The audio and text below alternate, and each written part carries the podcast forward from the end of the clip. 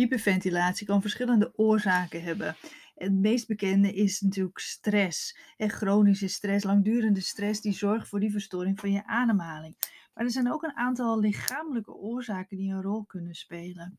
En iets wat relatief nieuw is, maar waar ik wel echt heel veel mailtjes over krijg, is dat mensen uh, hyperventilatie krijgen na een uh, corona- en covid-besmetting. De zogenaamde long-covid, die zorgt voor een overprikkeld zenuwstelsel en voor hyperventilatie. Dit is allemaal natuurlijk relatief nieuw, eh, maar we leren wel heel veel bij. En er zijn een aantal dingen die we inmiddels weten en die wil ik je hier in deze aflevering uitleggen. Eh, ik wil absoluut geen discussie over corona is wel of niet erg.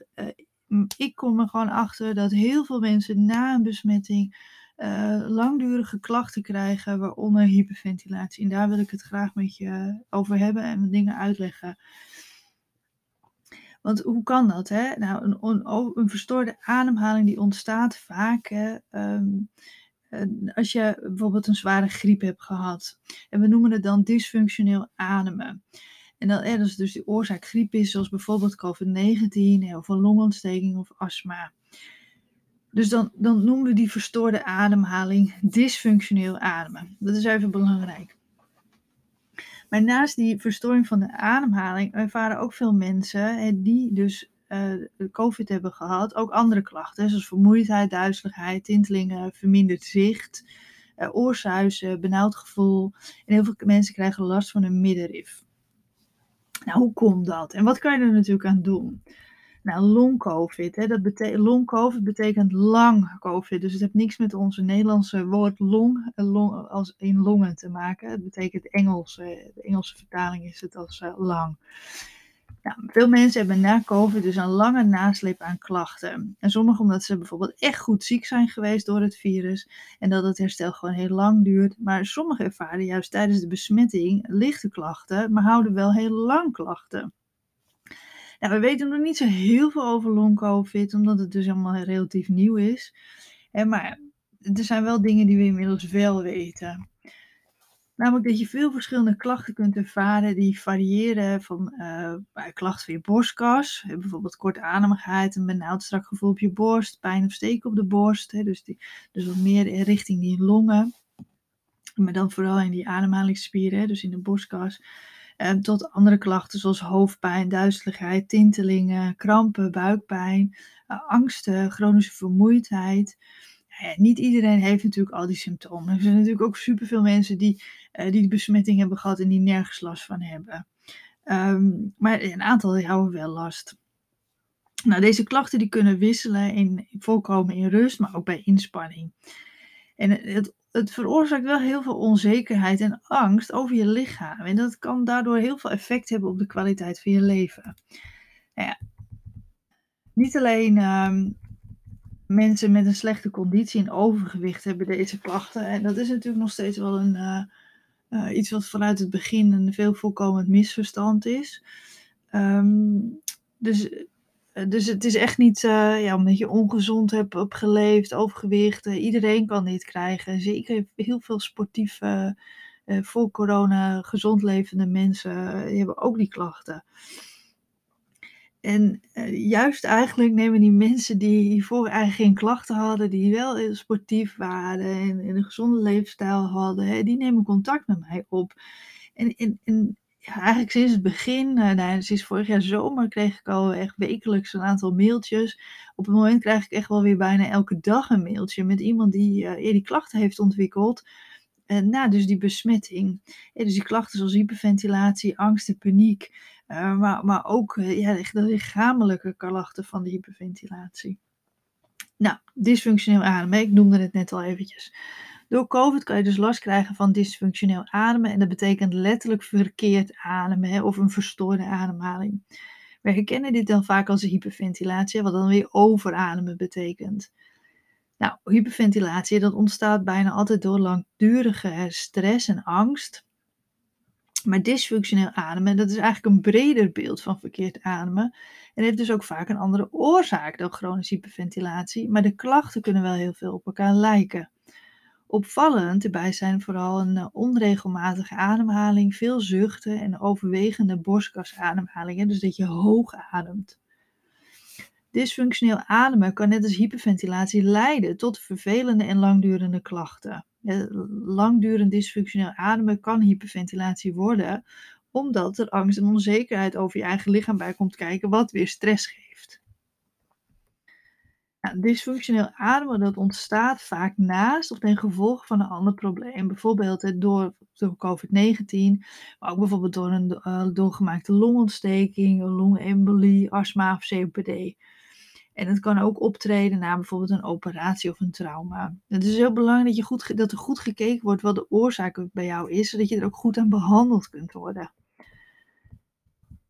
Klachten van dysfunctioneel ademen worden vaak net als hyperventilatie niet zo goed herkend. En dat maakt het best wel frustrerend. Hè?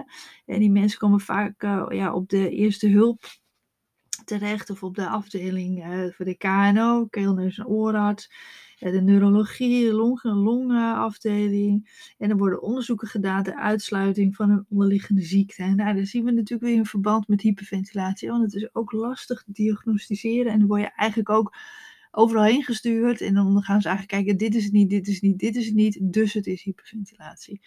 En dat gebeurt vaak ook bij dysfunctioneel ademen. Nou, middenrifklachten, dat is iets wat heel veel voorkomt. Namelijk, um, de, die middenrif, dat kan klachten geven van een benauwd gevoel, het niet goed kunnen doorademen, pijn ter hoogte van je maag, hè, waar je middenrif zit, veel oprispingen, boeren en moeite met praten. Dat zijn van de klachten die je kunt krijgen van dat gespannen middenrif. Het kan ook ervoor zorgen dat die verstoring van je ademhaling blijft, omdat je door de spanning op het middenrif niet goed kunt ademen. Want door, die, uh, door het virus lijkt het erop dat je middenrif namelijk geblesseerd raakt. En het is daar echt wel aan te raden om gericht ervoor te gaan oefenen, zodat je middenrif weer ontspant en dat je daarmee het herstel bevordert, hè, dat je weer beter kunt ademen. En want uh, wat lijkt erop dat dat middenrif dus, dat dat uh, ja, geblesseerd wordt. Uh, of dat door dat virus komt of door dat verkeerde ademen, zeg maar tijdens het ziekte, omdat je, dat je dan moeite hebt met ademen dat, dat kan beide allemaal eh, een rol spelen. Hyperventilatie, had ik al natuurlijk vaak verteld heb dat kon ontstaan door langdurende stress. En ziek zijn is stress voor ons lichaam. En we hebben dus niet altijd over mentale stress. Ja, stress omdat je een negatief zelfbeeld hebt, stress omdat je een vervelende thuissituatie hebt. Maar lichamelijke stress, dat is dus ziek zijn, dat is ook stress. En laten we natuurlijk wel wezen, normaal zijn is ziek zijn al heel erg vervelend. Maar als jij dus die diagnose verdenking van corona hebt gehad, dan is het vaak wel een behoorlijke grote mentale stressbelasting geweest. Want continu werden en worden wij geconfronteerd met hoe ernstig en dodelijk het virus kan zijn. Je zult je hierdoor onbewust dus meer zorg hebben gemaakt dan als, het, ja, als je het jaar ervoor de, gewone seizoensgriep hebt gehad. Ja, want omdat er zoveel aandacht voor is, ja, komt er natuurlijk een hele andere uh, ja, andere gedachtegang op, gang. Uh, dat, je, dat je er toch wat angstiger voor wordt. Ja, dat, en dat zou je misschien niet heel bewust zijn, maar onbewust gebeurt er natuurlijk ook heel veel. Dus ook dat speelt heel vaak een, een, ja, een mederol naast dus gewoon de lichamelijke belasting. Stress en onzekerheid, dat speelt natuurlijk ook een rol. Want naast al dit allemaal spelen, ja, leven we natuurlijk sinds begin 2020 eigenlijk al de stress en onzekerheid, dat gewoon geen goed effect heeft op ons mentale en lichamelijke welbevinden. Ja, we kunnen minder sporten, we moeten een mondkapje dragen, discussies over wel of niet vaccineren. En maar vooral zullen de meeste van ons wel veel minder ontspanning hebben, omdat er gewoon heel veel niet kan en niet mag. En gezellig even afspreken met vrienden ja, ik denk dan weer heel erg na. Kan dat wel? Mag het wel? Is het verstandig? En, en uh, ja, uh, ben ik zelf een beetje snotterig? Is het dan wel goed om af te spreken? Dus, dus je denkt ontzettend veel na over zoiets wat, wat nou tot twee jaar terug natuurlijk gewoon heel normaal was. Om, ja, oh, een vriendin belt, oh kom, we gaan even gezellig even een theetje drinken ergens. Ja, dus nu is het zo'n ding, waardoor die ontspanning natuurlijk gewoon voor de meeste van ons gewoon een beetje afgenomen is. Ja, net als uit eten gaan, vakanties, eh, dat, dat, ja, dat, dat kunnen we allemaal minimaal doen. En dat geeft natuurlijk allemaal onbewust en bewuste stress. En, ehm, nou, maar wat kan je er nou aan doen, hè, voor jezelf als je merkt dat je, ja, dat je toch die klachten hebt gekregen na die, uh, besmetting? Nou, zorg natuurlijk supergoed voor jezelf, hè. Eet gezond, drink voldoende water, dus eet gezond, eet voldoende voldoende groenten. Neem eventueel wat supplementen in. Vooral vitamine D, vitamine C. Nou, je kent het inmiddels natuurlijk allemaal wel. Hè, zorg dat je dat allemaal in gaat nemen. Dat je in ieder geval ook zorgt voor gezond, uh, ja, zo min mogelijk bewerkt voedsel. En vermijd bijvoorbeeld veel suiker. Hè. Je, je weet het natuurlijk vast allemaal wel wat, wat bedoeld wordt met gezond eten. En drink zeker ook voldoende water. Nou, zorg daarnaast natuurlijk voor voldoende rust en ontspanning. En het duurt vaak een tijd voordat je weer hersteld bent. En gun jezelf ook die tijd. Het is snel weer beginnen en over je grenzen gaan zal ervoor zorgen dat je langer de tijd nodig hebt om weer de ouder te worden. Nou, daarnaast zijn er heel veel fysiotherapiepraktijken die bieden zo'n speciaal revalidatietraject aan, speciaal gericht op het herstellen van deze besmetting. Nou, ik raad je echt aan om, uh, om daarnaar te informeren. Als je echt merkt dat je een verminderde conditie hebt bijvoorbeeld, hè, dan is dat echt een idee om, om te gaan volgen.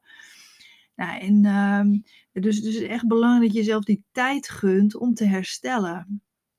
En kijk ook uh, welke klacht je nou het meest last van hebt. Hè. Als je merkt dat je heel veel mensen hebben dus echt last van dat middenrif. En dan raad ik je echt aan om goed aan dat middenrif te gaan werken. Om te zorgen dat je die leert ontspannen.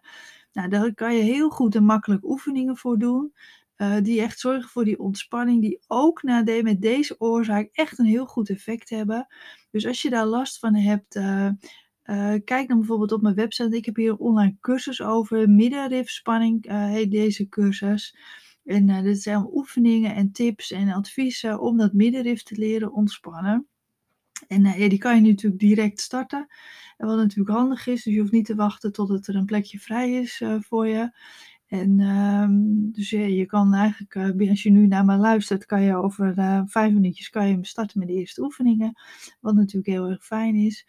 Maar ga eraan werken. Gun jezelf de tijd ook op te herstellen. En, uh, ja, en zorg supergoed voor jezelf. En dat is echt het allerbelangrijkste. Hè? Dus eet gezond, drink gezond. drink van gezond mee. Drink voldoende water.